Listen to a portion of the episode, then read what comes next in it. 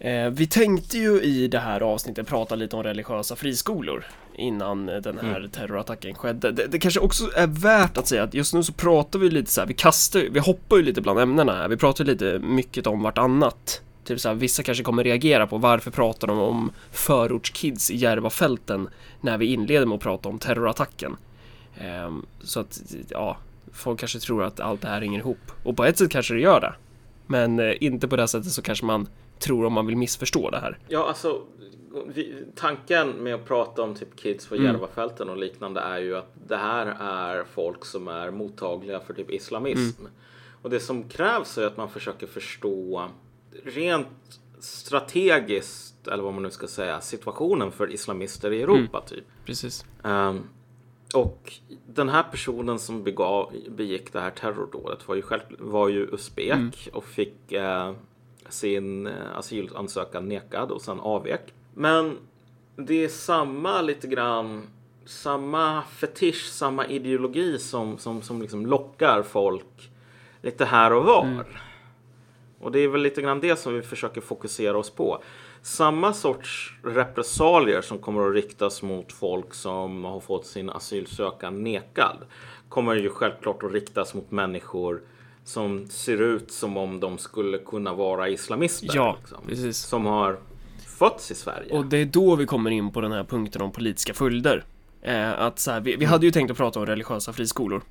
Eh, och det kan vi ju göra i alla fall. För jag tror att även om det inte finns ett direkt kausalt samband, som man kan säga, kolla, de här religiösa friskolorna hänger, det är inherent kopplat till att det kommer ske terrorattacker i Stockholm.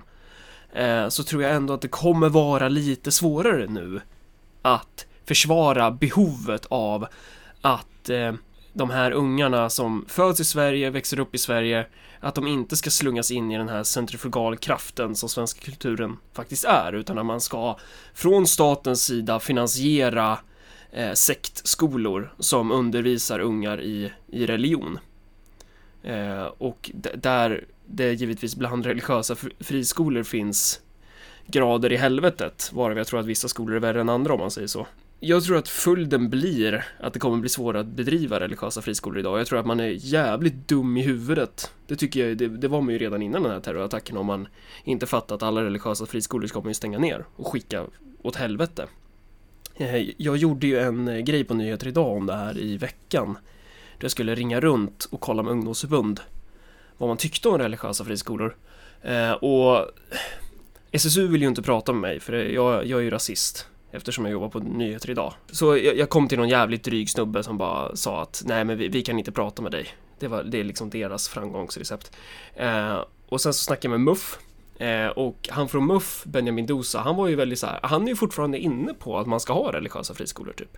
Han, tyckte, han tycker att det är en bra grej. Han, han fortsätter argumentera på det här liberal-dogmatiska sättet som är så här, ja men det är jättebra med mångfald av aktörer. Det är, att, man, det, det, det är så svårt att bara säga rakt ut bara, det här är käpprätt åt helvete. Det finns inte, en- det finns inte en chans någonstans att vi ska tillåta att svenska medborgare undervisas i mentalitet eh, som handlar om att det ska finnas en lojalitet bortom vårt samhälle. Att det ska finnas en lojalitet till den egna religionen eller till sin egen kultur. Eller på, alltså det, det, är ju- det är fullkomligt absurt. Men ändå så håller ju folk fast vid det där då. Jag ringde också RKU när inte SSU ville ge en kommentar, så jag tänkte att jag, då kanske jag kan få någon, någon annan, en, en kommentar som kan stå emot MUF då. då. Eh, och RK, RKUs reaktion när man ringer upp och eh, då möjliggör för exponering, det är att säga ah, kan du ringa imorgon? man bara vill ha en kort kommentar om religiösa friskolor och man bara så här, nej alltså det, det tar, ju, tar ju en minut för er att svara annars. Så, ah, Okej, jag ringer upp om en sekund då. Och så, så ringer man inte upp. Så, Mm. Nu är det här en jävla off topic men fan vad RKU är dåliga alltså. Jävlar vad dåliga de är. Men, men... Ja, jag tror att det blir svårare att prata om religiösa friskolor. Jag tror också att det blir svårare för Rashid Musa och andra eh, såna här jävla eh, självutnämnda representanter för den muslimska eh, minoriteten i Sverige att, att gråta ut om rasism. Jag tror faktiskt att de kommer få svårare att göra det, men jag tror inte att det kommer hindra dem från att göra det. För de här, de är ju vad? dumma i huvudet. De kommer ju fortsätta att ånga på i samma jävla hjulspår. De kommer spela det här jävla kortet, trots att det är så jävla dumt att göra det. Vet du vad? Jag tror så här att folk kommer att sluta gå som katten kring het gröt förr snarare än senare. Och det är inte direkt så som att svenskar gick och knöt näven i fickan över att det finns en judisk friskola i det här landet. Eller någon katolsk friskola heller för den delen. Um, och gissningsvis så tror jag, alltså, även om vi nu ser initiativ för att säga så här att okej, det stora problemet efter det här Kalla fakta-avslöjandet är att vi inte tycker om religiösa friskolor. Men det, vad folk egentligen inte tycker om är det som de såg i Kalla fakta. Och det kommer du inte att se om man gör ett reportage om typ någon jävla mellanmjölkskristen friskola där det är okej att ha på sig ett Exakt, kors. det man inte tycker om är ju att det bildas enklaver i Sverige som, som är eh, som undervisar barn i att man inte ska bli en del av det här samhället. Alltså det, det är väldigt intressant på grund av att islam är ju lite grann unik idag. Och det finns väldigt många som går in på så här långa haranger om att om vi läser haditen eller om vi läser koranen så ser vi massor med dåliga grejer. Det här är i islams DNA. Pytsan. Bullshit. Det har ingenting alls med religionen att göra överhuvudtaget. Utan det som är problematiskt är att islam till skillnad från svenska kyrkan inte är kakt, om- för att använda det Exakt. uttrycket. Det vill säga att den svenska kyrkan skulle aldrig någonsin drömma om att säga typ vet, de, har ju av, de har ju för fan avskaffat helvetet typ. De är, Ja, ja, men, alltså, men de skulle aldrig drömma om att företa någon form av kraftmätning med majoritetssamhället. Det vill säga att de har inga anspråk på att vara en gemenskap som är så viktig att i yttersta fall ska du vara beredd att dö för den gemenskapen än någon annan. Det här är ju någonting som vi har sett liksom, konflikter i Europa till exempel mellan Bismarck och den katolska ja, kyrkan. Gustav Vasa slog ju ner på kyrkan som fan också. Och visade vem Ja. som bestämde. Exakt. Det är jävligt svårt att tolerera som makthavare. Eller som någon form av gemenskap av medborgare eller något sånt. Att någon annan säger okej, du får vara en del av den här staten eller den här gemenskapen. Men den är villkorad på att vi, liksom, det aldrig blir en konflikt med oss. Därför att blir det en konflikt mellan de här två sakerna, då ska du välja vår sida. Ett intressant exempel här som man kan ta för att illustrera den här poängen så att folk förstår. Tänk dig ett krig mellan Sverige och Finland. Sekunden som det kriget bryter ut så kommer det finska folket att säga till Sverigefinnarna, eh, eller finlandssvenskarna, sorry, att nu ska ni markera att ni är på våran sida. Visst, ni talar svenska och allting sånt där, men nu går det inte längre att vara en del av både Sverige och Finland. Nu måste ni vara en del av Finland. Och alla som säger nej, de kommer i bästa fall att sättas på en jävla Viking Line-båt till Stockholm. Med instruktioner om att aldrig mer återvända. Och I värsta fall så kommer de hamna i någon sorts interneringsläger till kriget är över. Samma grej kommer antagligen att hända med alltså, Sverigefinnarna. Finlandssvenskarna. Därför att Sverigefinnarna är väl finnarna som Ja, bor i Sverige. ja, precis. Finlandssvenskarna är det här. Ja, ja. Du fattar poängen. Det var här att lättare när det var ett land. Ja, i, ett, I ett sådant läge så har du två stycken lojaliteter som krockar med Mm. varandra. Och ingen viktig lojalitet tolererar konkurrens. Islam är mer eller mindre den enda religionen i Europa som har en, s- en susning om att kunna säga att du är en del av en Mm. gemenskap som är viktigare än de här löjliga strecken på kartan. Ja, i alla fall, i alla fall i norra Europa. Ja men alltså det är ju så i Frankrike också. Ja, men vadå? Katolska kyrkan är väl lite starkare i de södra, södra delarna. I Sverige är det ju definitivt så att det... det, det Hur, kolla, den katolska kyrkan är inte alls stark i den bemärkelsen. Alltså, Ja, du menar det här med Därför- möjligheten kolla. att kunna sätta en, att lojaliteten till religionen står över lojaliteten till övriga samhället. Det är din poäng? exakt, det är Ja, det som är nej, poängen. absolut. Påven skulle aldrig kräva av någon att dö martyrdöden Mm. för den katolska tron i Spanien eller Frankrike Nej, eller sant. någonting. Därför att han vet att det är ganska få som skulle vara beredda att dö martyrdöden. Mm, mm. Så att det är mycket enklare att leva, du vet, och aldrig ta den konflikten. Men med, med, med eh, islam så har vi en annan... Det är en annan femma helt enkelt. Exakt, jag menar, kolla. Det är inte så att de flesta människor som liksom är muslimer eh, som skriver det i någon sorts liksom box på något formulär är sådana att de liksom skulle vara beredda att gå det steget. Liksom. Att skulle välja islam framför någonting annat. Det är en ytterst liten minoritet. Men om man från statens sida med svenska skattebetalarnas pengar uppfostrar ungjävlarna i att tro på det här, då kommer det ju bli problem. Ja, exakt. I slutändan så är det väl så här att ehm, vad vi kommer att se är ju den här konflikten. Den har, den har ben. Den, den, den rör på sig. Det spelar egentligen ingen, ingen större roll liksom, rent ideologiskt om man röstar på Miljöpartiet eller inte. Därför att det är inherent i såna här lojaliteter att de är svartsjuka. Konflikt är oundviklig. Det kan bara finnas som i Highlander, there can only be one. Det kan bara finnas en lojalitet helt enkelt. Ja, av den här liksom, starka sorten. Eh, och det är därför som muslimska friskolor är ett problem på ett sätt som kristna friskolor inte är.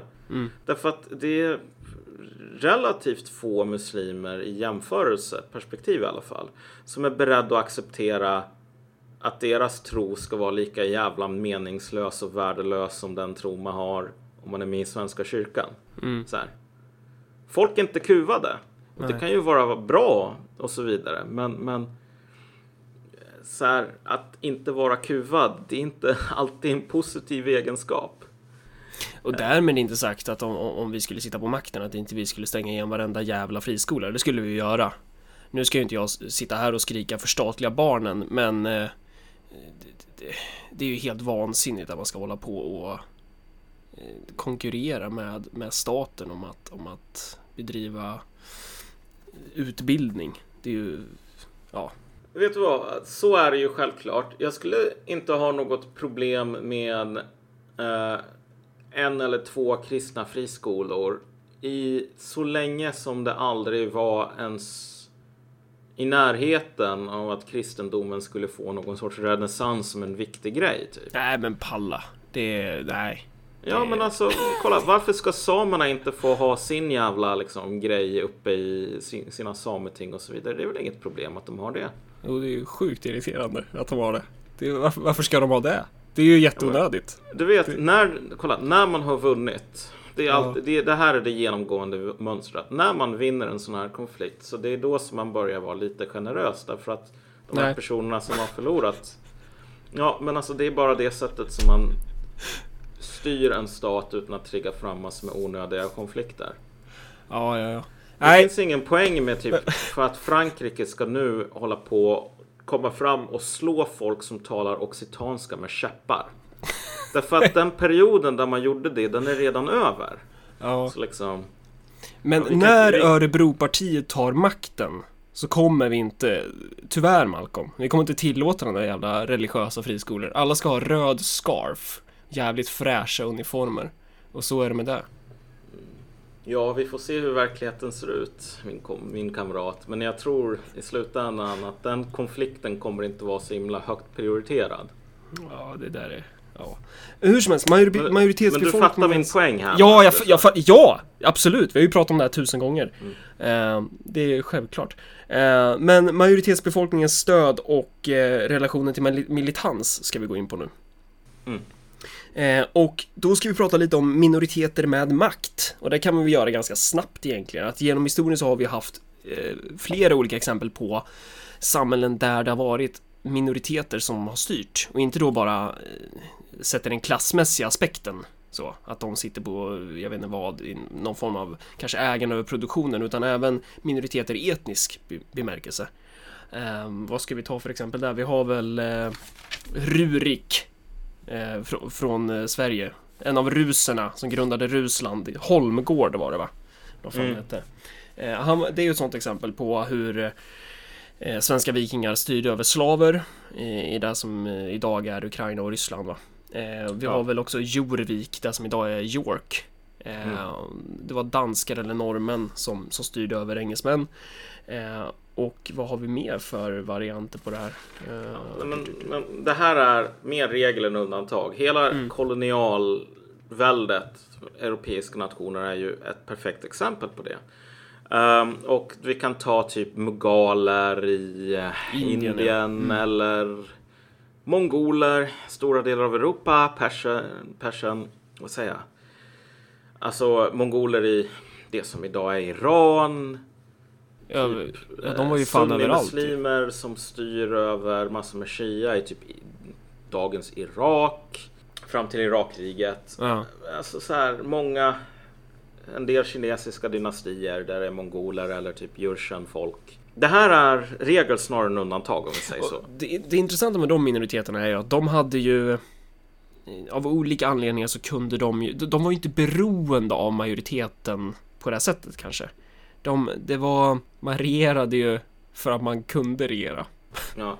Ja men alltså, det finns ju så många diskussioner idag om, och jag blir så jävla trött på dem för de är så otroligt, alltså hjärndöda. Mm. Folk borde fan veta bättre även i det här jävla kacklandet med flumskolan och allt, alla dess problem. Mm. Utan röda scarfs. Ja, när folk bara säger så här att ja men fredsskadade svenska folket Snart kommer vi låta en minoritet högljudda liksom styra över oss bara för att vi är för svaga. Vi liksom ger oss all, alltid. Mm. Vi tar aldrig konflikt. Det där är bara nonsens. Alltså, du menar muslimska diasporan, vad är det för slags minoritet egentligen? Jo men exakt. Mm. Kolla. Um, det är inte ovanligt att människor med väldigt lite resurser nedtvingar liksom, imperier, länder och så vidare och sätter sig på toppen. Mm. Problemet är bara att om vi tänker oss folk som bor, ta Järvafältet som område till exempel. Det är otroligt intressant rent historiskt för här har vi en minoritet som inte ut. följer liksom, de historiska mönstren. Nej, precis. De, de sticker ju ut. De sticker ju verkligen ja. ut. Nu kanske det är fel att säga muslimsk diaspora, men muslimsk minor minoritet. Eh, för, för, de har ju, dels så har de ju typ, om man tittar på deras ekonomiska funktion. Ja men exakt, alltså hur, hur, hur klassificerar man de här rent taxonomiskt? Ja. Därför att det här är inte som tyskar som bor i Riga och på Gotland och liknande. Du, du menar Hansan? Ja, precis. Som, mm. som sitter som någon sorts elit på grund av att man har en viss ekonomisk funktion som man mm. verkligen är mån om att bevara. Så. De är ej heller valloner som heter Allard i efternamn och håller Precis. på och gör vapen och grejer. Nej, de har, de har ingen liksom så speciell funktion på grund av alltså, teknisk kunskap eller på grund Nej. av att de är inte som judar som är de enda som får hålla på att låna ut pengar till, till ränta under en, tid där kristna inte får hålla på med vadå, det. Vadå får? Det, det är de enda som kan, eller?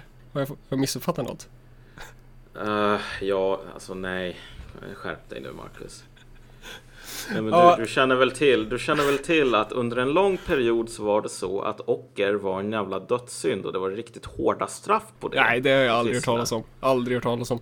Ja. Eh, men nej, men precis, de har en ekonomisk eh, eh de, de, de, har, deras ekonomiska funktion är ju typ att, vad fan är den liksom? De, de, de är, har ingen, alltså nej. det är det som är intressant. Det här är, det här är en grupp människor som rent, liksom, för att tala i klarspråk, innebär en ganska stor nettokostnad. Mm. Om vi liksom lägger det här humanistiska tramset åt sidan och bara tänker oss så här. Skulle någonting i Sverige sluta fungera om det kom aliens i stora tefat och bara beamade upp hela Järvafältet eller typ hela Rosengård. Skulle typ tågen sluta att gå? Skulle människor svälta ihjäl? Skulle elen inte liksom komma i vägguttaget? Svaret är ju självklart nej. Det finns ingenting i de här områdena som är kritiskt för samhällets fortlevnad. Det finns ingenting ens som är så här, inte ens kritiskt utan bara nödvändigt eller bra typ sådär. Utan det här är ju lite grann av en överskottsbefolkning ur det här liksom krassa mm typ militärt, ekonomiskt, sådana perspektiv. Och, och därmed inte sagt att alla eh, muslimer går på socialbidrag. Men det skulle vara väldigt intressant att kolla på den statistiken faktiskt. Nu har vi ju inte de siffrorna framför oss. Det, kan, kan du inte rota lite i det där? Skulle vara... Ja, alltså, men överrepresentationen är väldigt stor. Men överrepresentationen när det gäller arbetslöshet till exempel, den är ju grotesk. Så här, en, en, en, vi talar om en, en grupp, hur vi nu liksom definierar den, boende i sådana här socialt utsatta områden som inte är mer än 15 procent av befolkningen kanske, men som står för något galet i stil med typ 50 procent av all arbetslöshet eller något sånt. Eh, poängen här är bara att när man ska försöka förstå den, den här gruppen människor, den här liksom förorten i Sverige som en företeelse i någon sorts historisk kontext, då finns det inte så himla mycket att jämföra med. Nej. Och det närmaste jämförelsen tror jag det är typ Roms befolkning, alltså staden Rom, ehm, under en lång tid. Det här var de, de, de, the original proletarians. Man, man kallar dem proletari. Och det intressanta med Rom är ju att det här var en miljonstad för mer än 2000 år sedan. Eller cirka 2000 år sedan. Ja. Och sen efter romarrikets fall så blev det en liten skitstad på 30 000 pers typ. Ja, precis. Efter romarrikets fall så var alltså eh, Rom typ hälften så stort som Enköping. Eh, så det säger en del. Men du har den här miljonstaden som kräver så jävla mycket spannmål. Liksom, för, för att folk inte ska svälta ihjäl. Och den har inte så himla mycket av en militär eller ekonomisk funktion. För efter att Rom blir en militärdiktatur, fronten är ju någonstans uppe i Gallien ofta.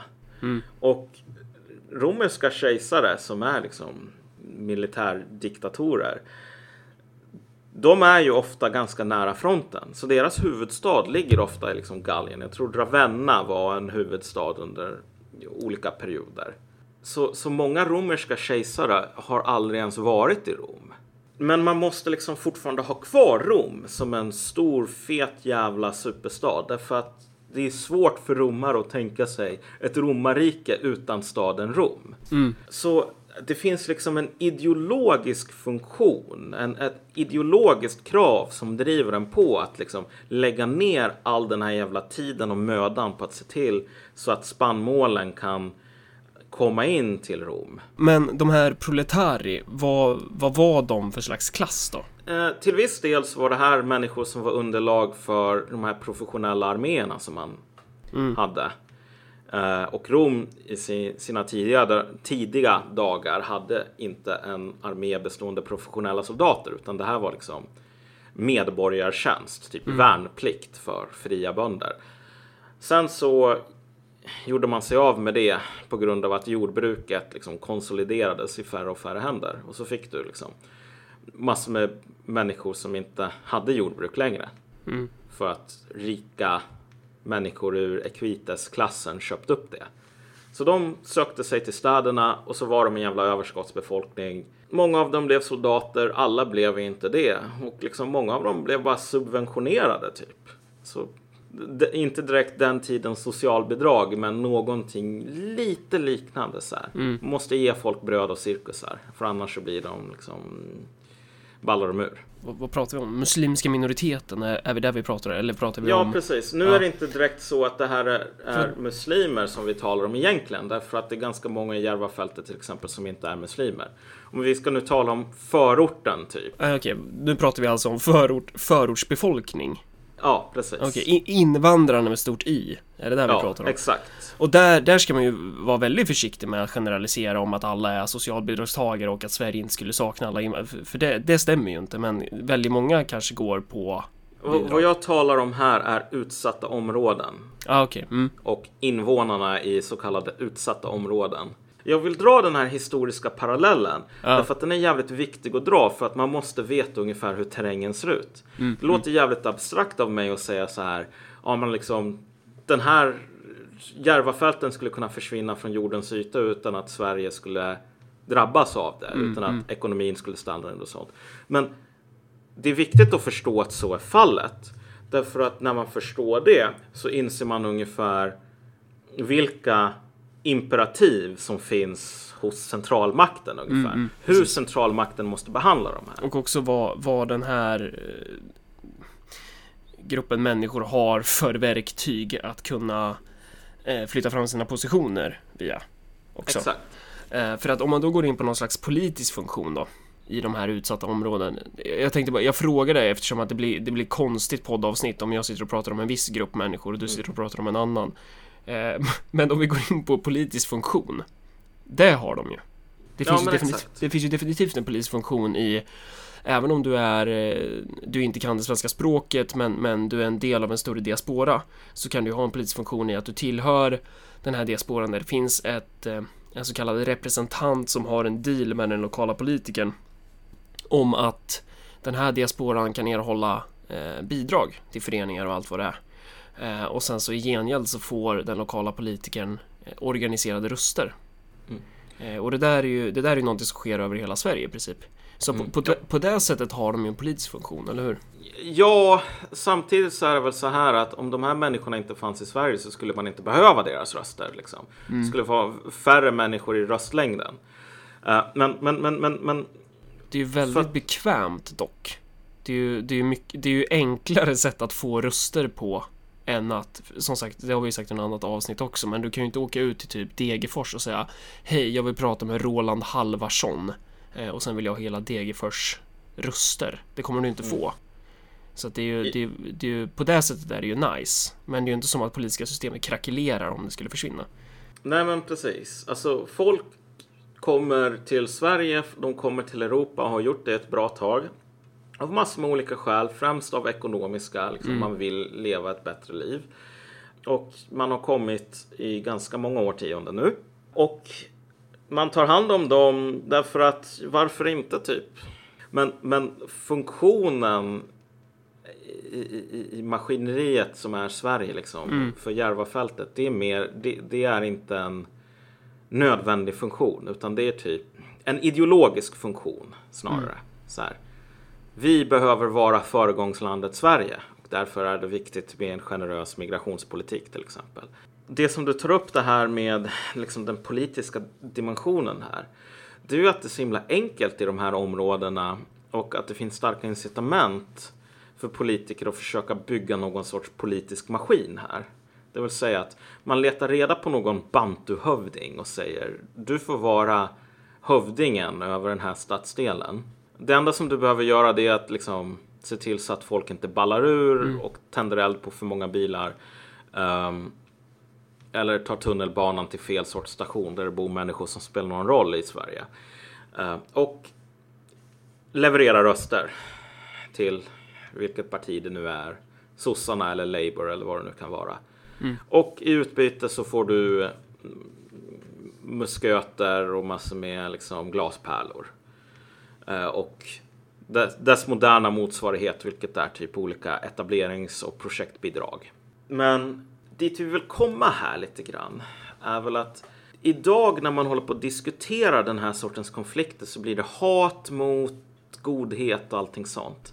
Det är inte ett användbart perspektiv för att förstå den här sortens potentiella etniska konflikter som vi går emot.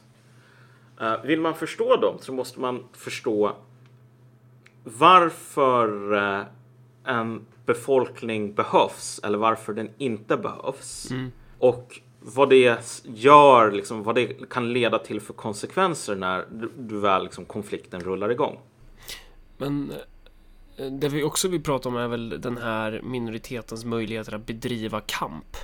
Ja, exakt. Det- tror jag både du och jag är rätt säkra på. Nu kommer vi väl få höra Nu kommer man ju vända sig till muslimernas bantuhövdingar som då i SVT Debatt ska stå och eh, eh, prata för det muslimska civilsamhället. Och så kommer man hävda samma sak. Att eh, nu är islamofobin igång. Man, man kommer spela samma kort liksom. Mm. Mitt intryck av den senaste tidens händelser är väl att det fanns en ganska god chans för att vi i Sverige skulle sluta med någon sorts liksom, förortskalifat som vissa mm. typ kurdiska kvinnor varnar för. Jag tror den chansen är nära på noll idag. Ja, jo, det, det Den håller chansen jag nog med är nära på men, noll men av en enkel anledning. Ja, och det, det är värt att gå igenom varför den är ja. nära på noll. Jo, men precis. Och det är på grund av att alltså, för att du ska kunna ha den här sortens eh, relation där mm. du mer eller mindre portionerar ut vissa delar, liksom, typ Järvafälten, Biskopsgården, Rosengård. Och så ger du det till någon sån här eh, representant. Mm. Det är att det finns ett samförstånd. Och det är också att den här representanten som i och för sig får en förläning. Mm. Han får en liten plätt jord med massor med livegna som han får liksom styra över och bossa över. Massor med indianer som är hans. I gengäld mot eh, röster.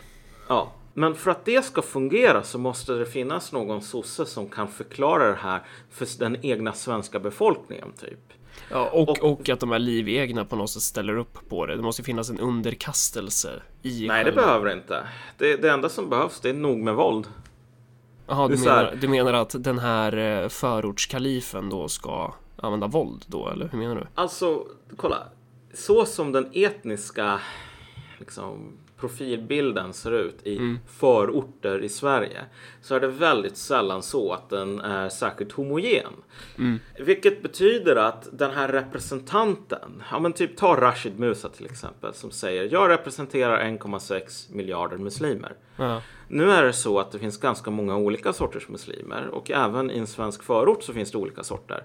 En person som är högljudd nog att säga jag är representanten kommer inte att sitta på en homogen pyramid. Nej. Utan det finns massor med grupper under som typ kanske inte ens tycker om den här personen. Och de kommer att vara utsatta för den här sortens våld som är ganska indirekt, vilket är att typ du, du, du får stryk om du mopsar dig. Och det jag säger är att om han ska kunna klara av att bibehålla någon makt, att kunna agera representant, då krävs ju att de här under honom har en underkastelse.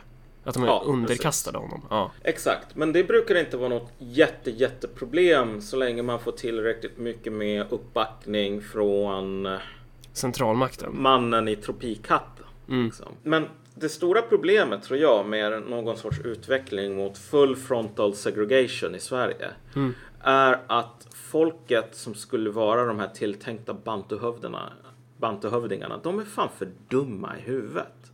Om någon kollar på det här Kalla fakta om typ moralpoliser mm. så kommer de alltså se så här jävla 17-åriga snorungar som håller på och skriker åt en majoritetssvensk som bo, bodde i Hjulsta är det väl? Mm. Typ jävla hora, ska krossa dina fönster, liksom så här. Döda dina hundar.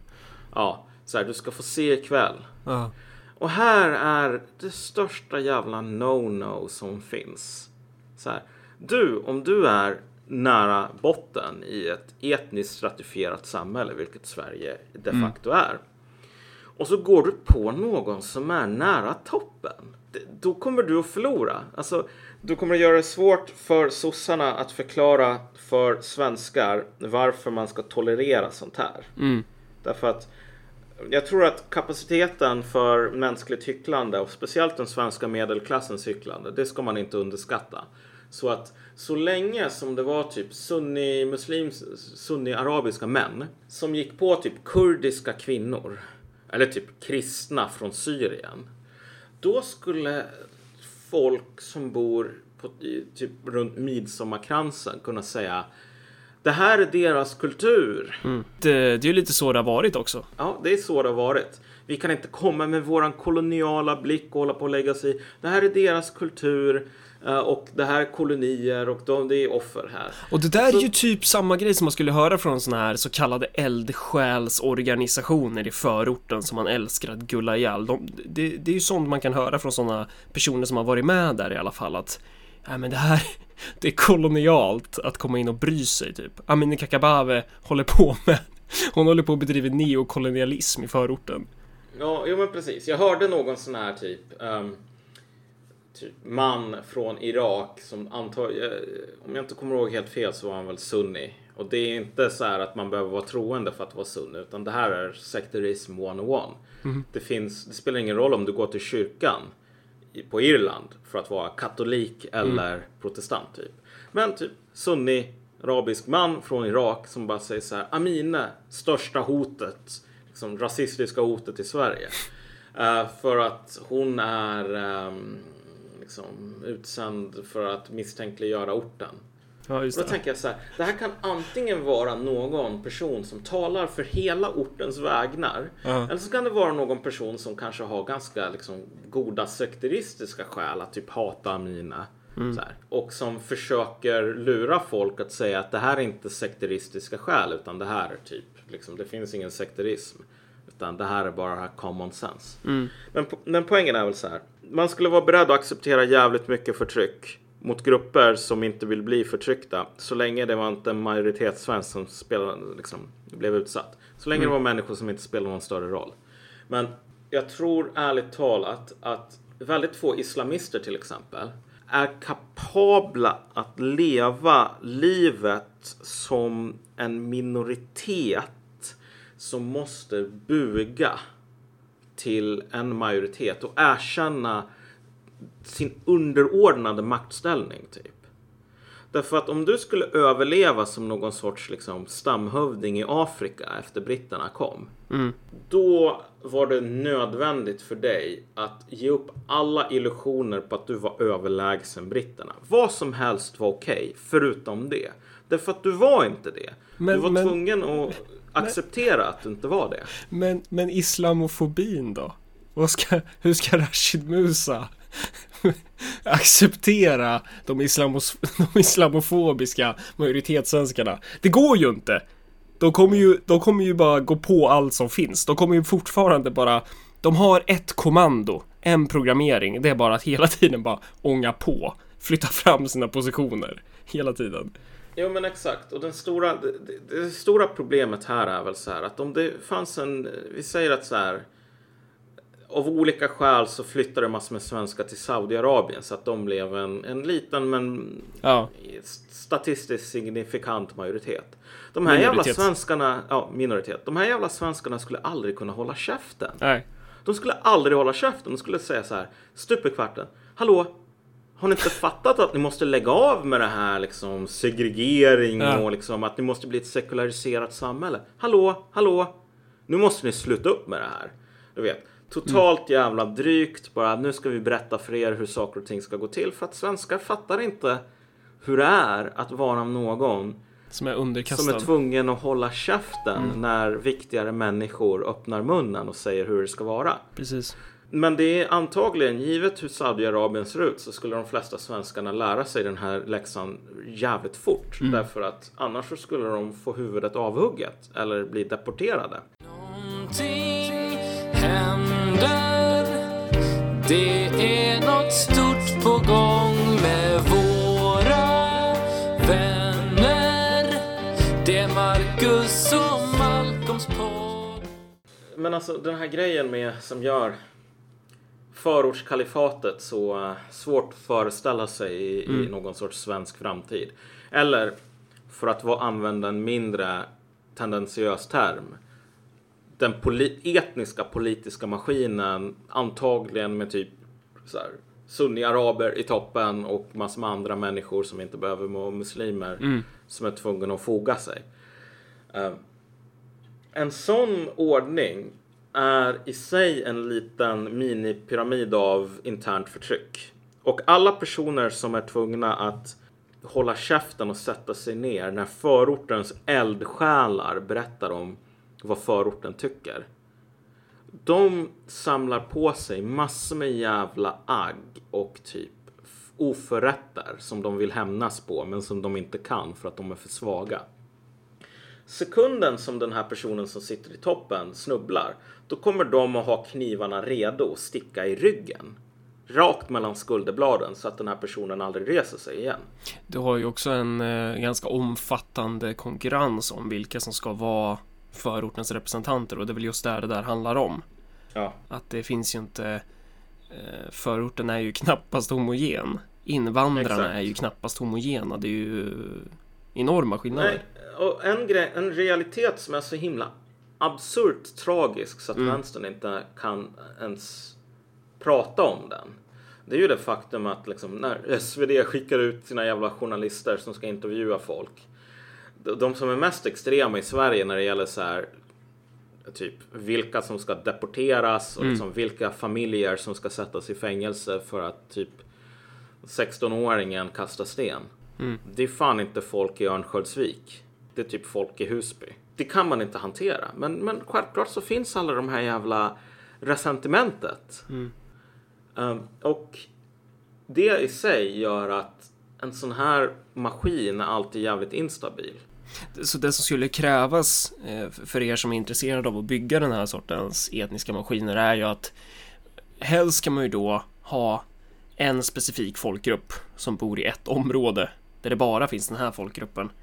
Eh, och vad, ska, vad, vad krävs det mer egentligen? Att de här inte stöter sig med majoritetsbefolkningen. Det, det är väl de viktigaste variablerna. Vet du vad, jag tror inte att den första punkten är helt nödvändig. Det hjälper, men det är inte helt nödvändigt. Okej. Mm. Men den, den, den riktigt viktiga punkten här, det är att man, man går aldrig på männen i tropikhattar. Man bråkar aldrig med britterna. Man försöker aldrig påtvinga minoritetens seder och bruk eller förhållningssätt på majoriteten. Gör man det, rent historiskt, utan att ha eh, gevären bakom sig, så då blir man fan utplånad. Och jag tror det här har vi verkligen det fredsskadade Sverige som verkligen visar sin fula nuna. När folk på allvar tror att de kan kasta gatstenar på en majoritetssvensk för att hon typ går runt i kjol. Alltså, det går ju att göra så. Och visst, det här är bara ett par dumma tonåringar och så vidare. Ja, men det spelar ingen roll att det bara är ett par dumma tonåringar. Därför att de- den här konflikten, när den fortsätter, om de här dumma tonåringarna inte sätter sig ner, då kommer konsekvenserna förr eller senare. Vi var ju inne på det här förut, men det här med, alltså britterna var ju minoritet när de regerade över irländarna. Men de var ju, minori- de var ju imperialister. Alltså de, de, de besatt ju en maktställning. Det, fanns, det är ju svårare att kasta dem, eh, vad ska man säga, det är, en, det är en helt annan skillnad här. Det är ju, det är ju bara underläge man jobbar i. Om man håller på på det där jävla sättet. Om det nu ens skulle finnas någon slags uttänkt plan om att ja, men genom att göra så här så kan vi få oss, kan vi stärka våra positioner. Jag vet inte fan om det ens är så. Det kanske är snarare bara ett utfall av en, jag vet inte, någon slags ideologisk syntes sett till ens materiella position. Det är så jävla tragiskt med sådana här terrorattacker. Jag tycker det är så jävla tragiskt att se liksom folk som håller på att typ elda ner ungdomsgårdar och så vidare för att det är liksom de här dumma jävla svenskarna startar den här ungdomsgården för liksom förortstjejer och så vidare. De här människorna, de förstår inte vad det är för krafter de leker med. Ehm, det förstår inte svenskarna heller, men de kommer att lära sig hur man spelar det här spelet. Och när man väl gör det så är, då kommer det att bli riktigt hemskt. Och det stora problemet här är också att ottomanerna, när de ville slå ner ett uppror, då skickade de alltid in de irre- irreguljära styrkorna som höll på att bränna och våldta ända tills folk insåg att okej, vi kommer aldrig mer att göra uppror mot ottomanerna för det är fan för hemskt. Och de irreguljära styrkorna var ju oftast folk i grannbyn eller i någon annan folkgrupp. Typ man satte in Exakt. kurderna mot armenierna eller vad det nu Precis. kunde vara. Eh, och Ja, det, och det här, Det där Det här tror jag, väl- alltså, jag vet inte. Jag tror inte det skulle vara så svårt att rekrytera irreguljära styrkor sett till de motsättningar som finns i svenska förorten bara redan idag liksom. Ja, det kurdiska exemplet, det är bra att du tar upp det, för det är väl så jävla passande här. För liksom hundra år sedan så hjälpte kurderna till att genomföra ett av Europas mest brutala folkmord. Och nu, hundra år senare, liksom, efter jävligt många liksom, historiska turer och så vidare, så liksom, om du ser till YPG och liknande så är ju det en av de få strimmorna av hopp i Mellanöstern, typ. Här har vi verkligen progressiva människor, modiga, slåss för jämställdhet, alla de sakerna. Men det här är ju evolution, det är anpassning till rådande förhållanden. Det är inte, och den anpassningen kan ske åt både åt det ena hållet och det andra hållet om vi säger så. En till sak som man behöver säga när det gäller så möjligheter att bedriva kamp är ju att sådana här terrordåd som syftar till att alltså, attackera civila de kommer ju bara slå mot den egna gruppen. Exakt. Eh, IRA var ju till exempel jävligt noga med att försöka undvika civila offer. Nu var det väl ändå annan civil som, som föll offer där också givetvis, men där var det ju snarare så här att typ brittiska underrättelsetjänsterna kanske ville att IRA skulle attackera eh, mål som då resulterade i civila offer för att det skulle ge underrättelsetjänsterna en möjlighet att spela ett visst kort mot IRA och visa att kolla, de här är ju helt jävla hemska. Det här legitimerar ju att vi kan gå på dem mycket hårdare. Medan IRA då var mer så här inriktade på att slå mot eh, Heathrow, den här flygplatsen. Eh, vad, vad, kan det vara mer? Att man... Man, man, man hade jättestora gödselbomber i alltså finansdistriktet i City of London ja. som man ringde in så här. Okej, okay, två timmar så kommer den här bomben explodera. Alla stick. Mm. Så ringde man in det jättemånga gånger och alla stack typ. Mm. Sen så sprängde det upp den här bomben, förstörde massor med banker, liksom flera miljarder kronor i skada för en sån där bomb. Um, och det, det, är ju en annan grej än att köra över civila människor på Drottninggatan och drämma in i ett varuhus. Ja, eller, eller att mäja ner folk på en julmarknad. Det är en helt annorlunda karaktär på de här grejerna. Och, och det är viktigt att ha det i åtanke så att man inte bara klumpar ihop all form av allt som går under begreppet terrordåd eller återigen allt som går under begreppet politiskt våld. Det är en jävla skillnad på vad det handlar om. Vet du vad, alltså det, det slår mig så här. Nu har ju inte det här hänt rent konkret tror jag, särskilt många gånger. Men de flesta europeiska islamister beter sig ungefär som om de hade läst Breiviks manifest om Eurabien och tänkt fan det här, det är så det funkar, fan vad ballt. Ja. Alltså det finns ingen strategi, det finns ingen plan överhuvudtaget. Det finns ingen förståelse för den egna strategiska positionen. Det finns ingen förståelse för liksom, hur relationer mellan majoriteter och minoriteter funkar i Europa. Det finns ingen historisk insikt om djupet av brutalitet som europeer är kapabla till. Och de är inte, det, det, är de inte kapabla till för att de är så jävla unika. Mm. Ottomanerna var fan inte mycket bättre. Och japanerna ska vi inte ens tala om. Nej, nej. Så att man är totalt jävla clueless. Man har ingen plan. Och jag tror inte, alltså såna här nu är det kanske någon som säger att det är jävligt elakt och islamofobiskt av oss att typ bunt, pingponga hela tiden man har diskuterat typ terrordåd och Rashid Musa. Det är inte så att du och jag argumenterar för att Rashid Musa är intresserad av eller kapabel att begå terrordåd. Mm, nej. Utan vad vi talar om är islamism som någon form av ideologi. Ja, precis. Och, och slå hål på den här sortens argument.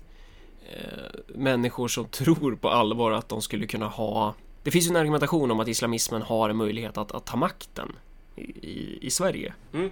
Och vi, den har är, ju inte det. Nej, precis. Vi är inte helt övertygade om det. Nej, men exakt. Alltså om man nu skulle vilja, för det första, det högsta man kan drömma om i Sverige, mm. det är att majoritetsbefolkningen sänker sig ner till att låta dig styra över kurder och syrianer och kaldéer och liknande i ditt område. Mm. That's it. Längre än så går det inte. Men eftersom de här människorna är så jävla svenska. De har växt upp i landet och de är precis lika svenska som alla andra. Och använder, blir typ islamister av samma anledning som svenska ungar blev punkare på 90-talet typ. Så finns det liksom ingen masterplan här. Och när man håller på och skäller på, äh, bränner ner ungdomsgårdar eller sätter eld på bilar eller skäller på äh, Marie, 30 år, för att hon dricker vin på altanen eller har på sig kjol under Ramadan. Det enda som man gör är att man göder möjligheten för majoriteten att säga du de här människorna de är fan jävla assholes. Mm. Vi tycker inte om dem. Och när man väl har gjort det så finns det i princip ingen begränsning på hur brutalt det kan bli. Och ett exempel här som verkligen visar åt vilket håll det barkar. Det är ju att vi har ju levt i någon form av så här, juridiskt interregnum. Och det är latinskt ord för den här perioden mellan att liksom en kung dör och en ny tillträder. Gramsci använder väl det där också när ja, han pratar precis. om eh, hegemonin och, och mm. möjligheterna man kan flytta positioner från skyttegravskrig till rörligt krig typ. Ja. Men, men vi har ett juridiskt interregnum här snarare än ett ideologiskt eller ett dynastiskt. Och det här juridiska interregnumet det går ut på att vi har ett rättssystem som i stora delar är anpassat för en värld som inte längre existerar. Det är lite grann som du vet ståndssystemet som orsakade sjukt jävla mycket problem mot slutet på 1700-talet och sen så bara avskaffar man det för att det var värdelöst. Problemet juridiskt i Sverige idag, ta ungdomsbrottslighet. Nu har vi ju massor med, eh, vi har ett juridiskt system som är designat så, med ett perspektiv där en ungdom som begår brott är någon form av offer. Och därför så måste man alltid ta det här offret svara till bästa. Därför att det är, en ungdom skulle inte begå brott om det inte vore någonting som var fel. Liksom. Um, och så ska man koppla in alla de här åtgärderna och det ska vara behandling och det ska vara liksom speciella regler och allting sådant. Det kostar en jävla massa pengar med andra ord. Exakt. Alltså, att behandla någon som är typ narkoman till exempel kostar flera miljoner kronor. Samma grej. Det här är riktigt dyra åtgärder vi talar som kopplar in typ Socialstyrelsen och allting, allting sådant. Vi har inte pengar. Det finns ingen möjlighet. Det finns ingen möjlighet som helst. Jag tror att antalet ungdomsfängelseplatser i hela Sverige är typ under hundra. I dagsläget så finns det väl fler ungdomsbrottslingar i typ Järvafälten än vad det finns platser för eh, i ungdomsfängelser i hela landet. Och det leder till situationer där typ polisen känner till vilka det är som begår brott, men det går, man, liksom, man orkar inte ens haffa dem därför att det är det, det finns ingen plats att sätta dem. Så att steg två på det där blir på något sätt att det juridiska systemet hinner ikapp.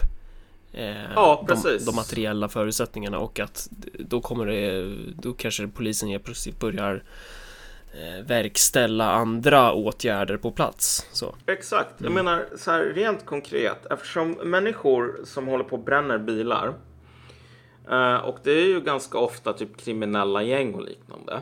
Som har så här hangarounds ungefär. Man bränner bilar för att det är som distraktionsmoment då. Ja. Det är väl inte så jävla många av den här hårda kärnan tror jag som liksom är ute och själv sätter eld på bilar. Utan man har väl massor med jävla typ tonåringar som är liksom vagt associerade. Mm. Som man ger sådana uppdrag. Polisen känner väl till en hel del av dem. När vi får ett juridiskt system som liksom är avpassat för verkligheten. Det kommer inte vara så att någon letar under en fåtölj och plötsligt hittar typ 80 miljarder kronor som ingen visste att de fanns. Och sen bara, nu ska vi eh, anställa dubbelt så många socialsekreterare som vi har haft innan. Utan det här kommer att bli MacGyver-lösningen. Så här. Man tar vad man har. Det som man har, det är institutionaliserat övervåld. Typ. Ta det här med det faktum att liksom, du har haft de här human interest stories där man åker ut till förorten och intervjuar eh, butiksinnehavare, butiksägare. Och så står det massor med ungdomar som man vet är kriminella utanför och röker hasch. Eh, liksom, vad man kan göra om man inte har plats att bura in dem, det är att man bara åker in med piketbussen och så eh, ut åker åtta poliser som bara knäcker alla revben på de här människorna. Och sen så har du en situation där, men vänta lite nu, får polisen göra så här? Frågar man. Om ganska goda skäl eftersom vi har levt i ett, i ett Sverige där polisen inte har rätt att göra så här. Och med riktig jävla antikolonial indignation, indignation så ringer man till den lokala kommunalsossen och säger Vet du vad? Polisen bara spöade mig. För att liksom jag stod och rökte hasch. F- Får man göra så här? Det här är ju sjukt jävla olagligt. Och då kommer den här sossen och säga Har du tänkt på att du kanske betedde dig lite provocerande mot den här polisen? Och bara, ja men det är olagligt. Men har du tänkt på att du betedde dig lite provocerande mot den här polisen? Men alltså ska ni inte göra någonting åt det här? Ja, vi får se. Um, vi, vi, vi kan ta upp det här på nästa möte. Liksom. Jag återkommer. Jag vet vad de svarar. Ja, vad är det? De svarar, vi kommer tillsätta en kommitté. Svarar de. Ja, precis. Och sen så ringer du media efter det här. Men liksom fem terrorattacker senare så inser folk i media att fan, det här eh, vaga känslan som jag gått runt och känt hela tiden. Som jag kan jag nu äntligen sätta ord på. Vilket är, fan vad jag hatar såna här jävla slynglar. Det här är drägg. Och när du ringer till den här personen som just har insett att han inte tycker om typ ungdomar som står och röker hasch på torget och rånar butiker och sätter eld på bilar och säger Hallå, polisen har gjort något kukolagligt här. Då kommer den här personen att säga Intressant. Vi får se om vi gör något på det. Ja, eh, men tack för ditt uppslag. Sen så går han på lunch och typ glömmer bort det här samtalet. Och sen så kan man säga, men vet du vad? Det här är en rättsstat, jag har rättigheter. Men, men verkligheten kommer att ha hunnit ikapp. Och så kommer de här människorna inte ha rättigheter längre. Och det kommer inte att finnas så jävla miljö, många miljöpartister kvar vid det laget. Därför att de flesta kommer att ha insett att det är att skrika i, liksom in i en jävla tegelvägg och få folk att faktiskt förstå att så här får man inte göra. Så det är den utvecklingen vi går mot. Skulle jag nog säga. Alltså, du kommer att se mer och mer brutala liksom, ad hoc eh, åtgärder. Därför att den här tidigare ideologin, den här tidigare regelverket, det räcker inte. Det är lika jävla förlegat som ståndssamhället. Och typ, vill man hålla emot det, då kan man inte göra som typ vänsterpartister och bara säga okej, shit, nu var det en person som blev nekad asyl som körde med ner fyra pers. Det Nu måste vi öppna gränserna. Jag menar, du kan ju försöka och det är ju folk som försöker liksom i, i, i talande stund. Men det är ju helt meningslöst. Ja, och det är så intressant att se den här. Och återigen, man har ju själv varit där. Eh, I den här fruktansvärt desperata eh, försöket att, att eh, trycka in den här händelsen i sin förbestämda ideologiska berättelse.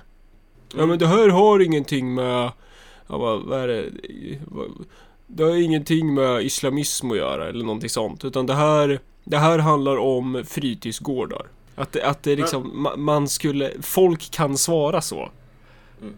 Eh, Alltså fan vad det här blir långt. ja men det, jag delar upp det i två avsnitt, det är lugnt. Ja, Eh, men men man kan ju inte stoppa det här genom att bekämpa ondskan, eller vad ska man säga? Folk tror ju att de kommer hejda en sån här utveckling genom att eh, de fortsätter vara precis som de är. ja. Alltså anledningen till att jag är så jävla säker på att vi kommer att hamna i det här Sverige. Ja. det är poliser som går runt med k-pistar på resecentrum Mm. till vardags. Och inte när det är fest. Utan bara så här, det här är jävligt vanligt. För det första så ser vi det redan typ i Belgien och i Frankrike. Mm. Vi kommer att komma dit vi med. Och belgare och fransmän, de rycker på axlarna vid det här laget. Det har blivit normalt för dem.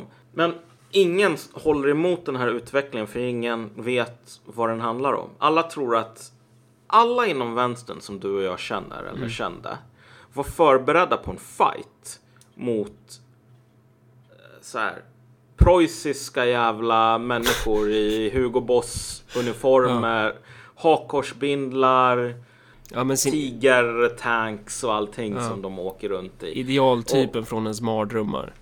Ja, alltså man var beredd att slåss mot människor som var ganska tydliga med att så här, vi står för ondska, vi står för hat.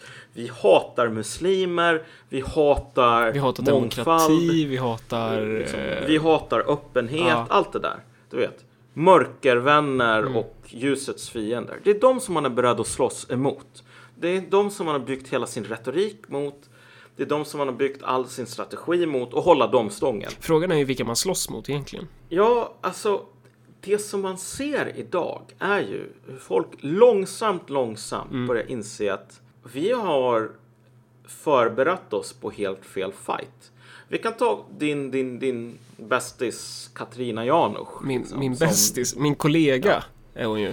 Ja, hon är ju- din, din, din hatkamrat. Ja just det, på hatsajten ja. Ehm, jo men för, för nu har ju människor som Kajsa Ekis Ekman liksom mer eller mindre sagt att Janusz är ansiktet på fascismen och Ali Esbati menar ju, han twittrar ju fascismen 2017 2017 och sen var det en bild på Katrina Janusz på nyheter idag. Ja. Så, så vi kan väl säga att Ali Esbati, Ekis Ekman, en del andra menar att där har vi fascismens nya ansikte. Ja. Och det är på ett plan så otroligt dumt så att jag inte ens har ord för det. Men på ett annat plan så finns det, så är det nästan sant. Men vad de här människorna inte förstår, för, för liksom när man talar om fascism som de gör, Ja. så blir det så att fascisten är den som förr eller senare kommer, vi kommer att komma hem till den sen och öppna garderoben. Och så ser vi en jävla SS-uniform som de har liksom gått runt och gömt på. De har lyckats undertrycka det här kärleken till det onda. Men sen när de har tagit makten eller liksom blivit Ja, men- populära, då avslöjar de sig. De är som en jävla ödlemänniska liksom. Som, Ja. som bara drar av dragkedjan och där uppenbarar sig nazisten i dess mest originella form. För poängen är att vad de motiveras av, det är ett liksom, patos för ondska. Kärlek till intolerans, allting sånt. Hat, hat, hat. Problemet är att om man ser till Katarina Janouchs radikaliseringsprocess inom citationstecken så ser man ju att det som i, i den månen som hon är någon form av ansikte för utvecklingen i Sverige idag.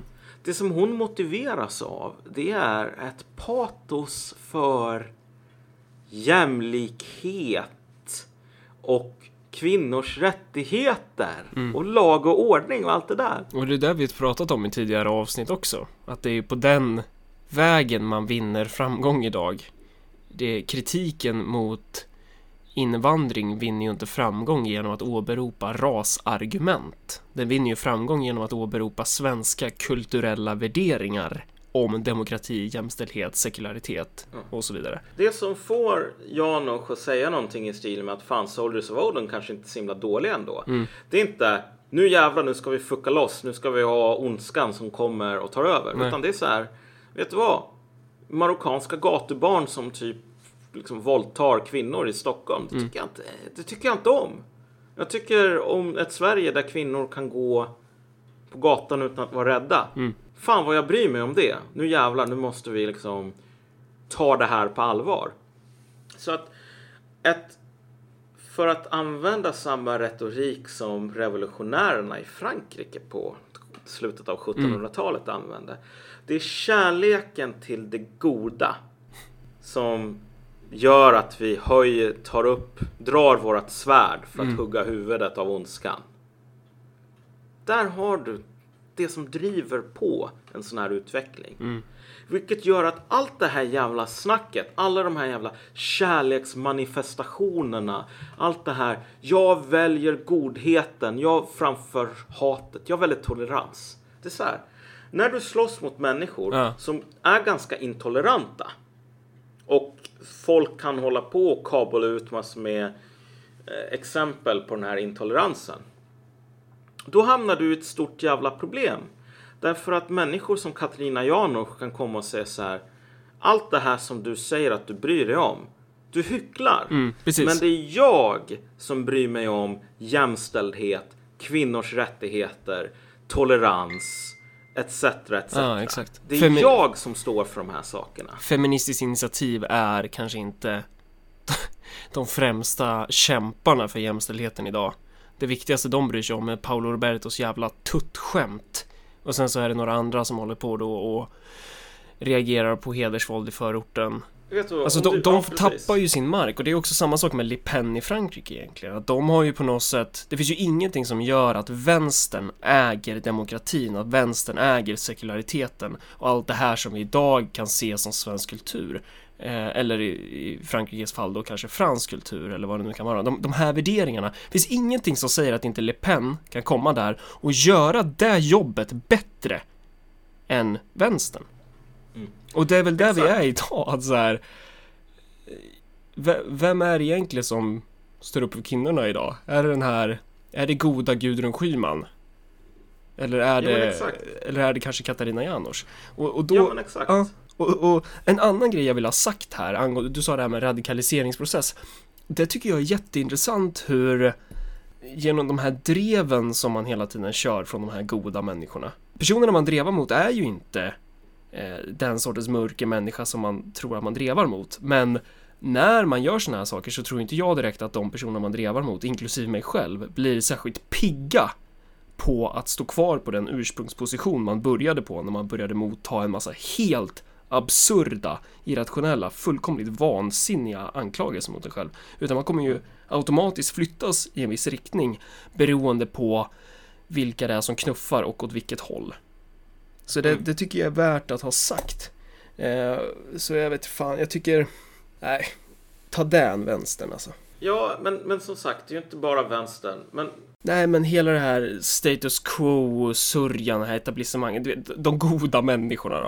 Jo, jo, men vad de inte förstår Mm. är att det är kärlek. När man håller Ja. på och kärleksbombar till exempel. Så slåss man mot hat. Och så tror man att man kommer att förhindra att Sverige blir ett land där om du är en jävla snubbe som går runt i Järva och Mm. har skägg på dig. Då kommer polisen och typ slår dig i skallen med en jävla batong för att så här, better safe than sorry. Mm. Ehm, vägen dit kommer att kantas av kärlek. Kärlek, kärlek, kärlek. Kärlek för rättvisan. Kärlek för de offer som får sätta livet till. Kärlek för de här fina värderingarna som är så universella. Det här toleransen, möjligheten för vem som helst som är liksom HBTQ eller jude eller någonting att gå på gatan utan att vara rädd. Kärlek för ett öppet sekulariserat samhälle. Kärlek för ett samhälle där kvinnor inte blir behandlade som skräp bara för att de är kvinnor. Det där skulle... Ser du? Ja. Ja, nej men alltså, vad tänkte du säga? Nej, men det där skulle man ju också kunna använda på ett annat sätt som kommunist idag. Att så här kärleken till dem som lider inom äldrevården för att de får sitta i kissblöjor eller kärleken till de som inte får ett jobb idag. Ja, man kan ju, det, är ju, det är ju kärleken till folket man motiveras i sin, vad ska man säga, väldigt sunda kritik mot de parasitära elementen idag. Det, det går ju åt båda hållen. Det är ju en helt sann poäng. Det är bara det att den här kärleken har inga bromsar. Nej. Den slår också över i... Man hugger huvudet av de som har eh, livnärt sig på folket och sen så hugger man huvudet av en massa andra bara för att vara på den säkra sidan. Ja, så, Alltså, så, så kan det gå. Så kan det ju gå. Ja. Och poängen är väl att så här, vad vi går mot. Och det här ser man ju bara på hur många jävla svenska kvinnor tror att Victoria Cavesa är mer seriös när hon talar, när hon utger sig för att tala för liksom något kvinnligt perspektiv eller kvinnors intressen jämfört med Katarina Janouch. Alltså sorry, men den fighten är redan över. Så här. Janouch vann. Um, därför att hon behöver inte hon har mycket enklare att undvika att se som någon hycklare. Hon kan verkligen säga att det här är en jobbig, öm tå, öm punkt att ta på. Men nu måste vi fan ta till krafttag mot de här skäggbarnen etc. etc. Och varje sån här jävla Kalla fakta exposé, varje bilbomb, varje bilbrand, varje terrordåd gör att det där framstår som mer genuint än alternativet, vilket är att säga ja men Paolo Roberto då. Eh, och samma sak när det gäller liksom så här förföljelser av kvinnor i förorten eller typ antisemitism i Sverige och så vidare. Så att det som människor på Aftonbladet inte förstår idag är att fienderna, de är inte intresserade av att störta kärleken. Nej. De är jävligt tacksamma för att du håller på och snack, liksom yrar om kärlek hit, kärlek dit, kärlek dit. Därför att du ger dem skarpladdade vapen som tids nog kommer att riktas mot dig. Liksom. Och sen så kommer man att trycka på avtryckaren. För att i slutändan, som sagt. Det är jävligt enkelt att förlora den moraliska kommandohöjden. Mm. När du väl upplevs som hycklande, till exempel. Och det har ju typ redan hänt. Ja, men det har redan Det, hänt. det finns ju för övrigt ingenting som är bättre idag än att vara en hatad person inom svenska vänstern. Mm. Är du det, då har du ju halva inne alltså. Nej men eh, verkligen. I Sverige så är det det som händer idag och det här är inte en positiv utveckling. Nej. Så håller kärleken på att växa. Mm. Och det är just kärleken till det goda som fick jakobinerna att lansera terrorn i Paris.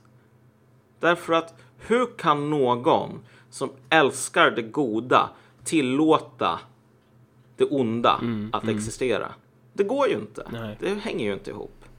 Och det enda sättet som typ vänstern kan hålla på och försvara toleransen till exempel. Det är ju att slå på reträtt när de möter intoleranta människor. Men nazisterna då? Men Paolo Roberto Ja. då? Så här. Och motståndaren, Jimmy Åkesson eller Katarina Janouch eller Peter Springare, de har inte det handikappet. De bara tutar och kör. Och all den här, alla de här fina idealen och så vidare som du tror är dina, de är egentligen, de blir för varje dag som går mer och mer deras. Och det finns ju ingenting som säger att de kommer ha ett monopol på dem. Det finns ju ingenting som säger att inte du och jag skulle kunna komma där och säga Hej, nu tar vi de här. Ja, nej men precis. Men samtidigt så här, riktningen Mm. på, på utvecklingen, den är ganska huggen i sten. Ja, den är ganska så. tydlig just nu om man säger så. Ja. Kärleken växer och i, i och med det så växer också viljan att försvara allt det som man älskar så mycket. Mm. Och det kommer att leda till sjukt jävla många excesser. Och eh, i slutändan så det är, folk är för narcissistiska och historiskt okunniga för att se att när de håller på och postar om sina jävla lovebomber då står Emperor- Palpatine där i bakgrunden och bara storler. Därför att det är sånt här som leder till etniska konflikter av grövre mått. Det är en person som triggar igång en jävla lång litani av liksom gamla groll och oförrätter. Och därmed sagt eh, att det väl inte räcker som att vi tror att Katarina Janouch vill ha etniska utrensningar av stora mått. Det antar jag att vi inte tror. Nej, nej, nej, nej, men precis. Men det, är den, det, här har sin egen logik. Ja. Man behöver inte vilja det, utan det händer lite grann av sig självt. Mm. Och det som är så himla nice med det, det är att man inte ens behöver känna sig så jävla, alltså folk gör sällan det. Alltså man behöver inte känna att det här är något så här sjukt hemskt eller någonting av två skäl. Mm. Det första är att man kan outsourca mycket av det, liksom det riktigt grovgörat till folk som verkligen är arga och hatiska på grund av att de har varit med om hur my- mycket skit som helst Mm. från den här gruppen. Det finns inte en brist på sådana människor idag som Nej. tänker så här. Som skulle vara beredda att ta på sig att eh, spöa skiten ur islamister till exempel. Om du utlyste liksom en, en, en intresse, liksom, folk fick göra intresseanmälan. Folk skulle fan betala Ja, Sverige. jävlar alltså. för att typ spöa araber. PKK skulle börja genomföra terrorattentat i Sverige för att få vara först på att eh, klippa islamisterna. Exakt, så det är den första grejen. Det är så här, folket i, som, som spelar någon roll Mm. i Midsommarkransen och Söder och Östermalm. Liksom. De behöver inte smutsa ner händerna om de inte liksom, vill ta på sig fan jävla knästövlarna och ge sig ut på rävjakt. Mm. Det är den första grejen. Och den andra grejen är bara att den här his- historiska amnesin, den är så jävla nice. Det är bara så här. Det var inte direkt så att turkar gick och var deprimerade i 30 år efter det här folkmordet. Typ. Nej. Man behöver inte bry sig, man kan bara gå vidare. Vilket är i sig så jävla deprimerande. Därför att den här sortens terrorattacker som vi ser i Europa, det kommer inte att tvinga fram någon sån här grekisk tragedi där alla förlorar. Det kommer att tvinga fram en kort jävla konflikt, eller kort eller utdragen, där en sida förlorar och där vinnarna inte ens har skam nog i kroppen och känna att typ fan nu gick vi lite för långt. Man behöver inte känna så. Och det är ingen som är intresserad av att känna så normalt sett. Så vad, vad landar vi i egentligen? Ja, jä- ja, nu har vi pratat i två timmar och 16 minuter, men det är ju två avsnitt det kommer bli av det här troligtvis. Men vi landar ju en... Eh, vi landar väl i slutsatsen att det är nog lite svårt att bygga ett eh, kalifat i Sverige idag. Det, är, det, är det en bra sammanfattning? Det är det ju inte. Men eh, Nej, det är ju så mycket Ja. vi har gått igenom. Hur fan ska vi sammanfatta det här? Jag vet inte. Kan inte någon göra det åt oss istället? Ja, nej men alltså de, de, de, de riktiga poängerna här Mm. är väl så här att islamism är en riktigt jävla tragisk ideologi. Därför att de här människorna, de är fredsskadade svenskar Som typ Ja, alltså de svenska, alltså de i Sverige, ja, många av dem. Ja, precis. Och andra är bara liksom school shooters.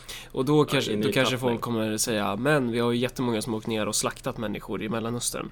Eh, Men de vi syftar på här är väl, eh, om man ska specificera vad vi menar med vilka som är fredsälskande och på vilket sätt, om vi behöver göra det. Vad jag har hört av många av dem som åker ner, de är fan liksom precis lika dumma. Har ingen jävla aning om vad det handlar om och är sjukt naiva. Så de är verkligen inte så här. Det är inte så att om du är född i Sverige så kommer du vara luttrad så här retroaktivt. Bara för att du åker ner till Syrien. Okej, du kanske lär dig saker där, men du är antagligen dum som ett jävla spån om du gör den resan. Eh, och, men, men hur som helst. Så här det här, det finns ingen möjlighet att vinna över majoriteten. Därför att majoriteten behöver inte hålla dig vid liv. I Indien så behövde britterna, som var en minoritet där, de behövde hålla indierna vid liv. Därför att man var tvungen att pressa, man ville ju pressa ut så jävla mycket rikedom som helst i det här jävla landet. Det finns ingen rikedom att pressa ur någon nu på Järvafälten typ. Ehm, det finns ingen, det finns inget behov av att vara snäll. Nej. Annat än rent narcissistiska ideo, liksom, ideologiska skäl. Vilket betyder att man kan gå hur långt som helst. Och ju mer man beter sig och liksom håller på och spelar Allan, desto mindre sympati kommer man att väcka. Och för de här die hard människorna i vänstern som liksom idag brottas med världens jävla kognitiva dissonans. Så här, ingen av dem är förberedd på en fight där att stå upp för människor innebär att försvara riktigt typ hemska jävla svin som har våldtagit en tioåring eller någonting. Utan de här narcissisterna är 100% inriktade på att det är vi, eh, vi som är hoberna som slår emot de dumma orcherna. Inte att det är vi som är i moraliskt underläge som försvarar typ folk som har begått massor med dåliga brott. Sekunden som de hamnar i underläge och det blir riktig jävla hit mot anseendet, att du upplevs som någon jävla monster om du försvarar de här. Då kommer de här människorna att schappa. De kommer att försvinna och så kommer du stå där ensam. Utan någon som för din talan. Det är träligt sånt där. Ja, det är det, hörru du. Ehm, Och kanske chilla lite grann med lovebombandet. Om ni inte har 100% koll på liksom hur kärleksfulla jävligt många bombmakare varit genom historien. ja, Men det får man inte säga i det här jävla landet. nej. Nej. Ja, ja, på återseende i alla fall. Ja, hej.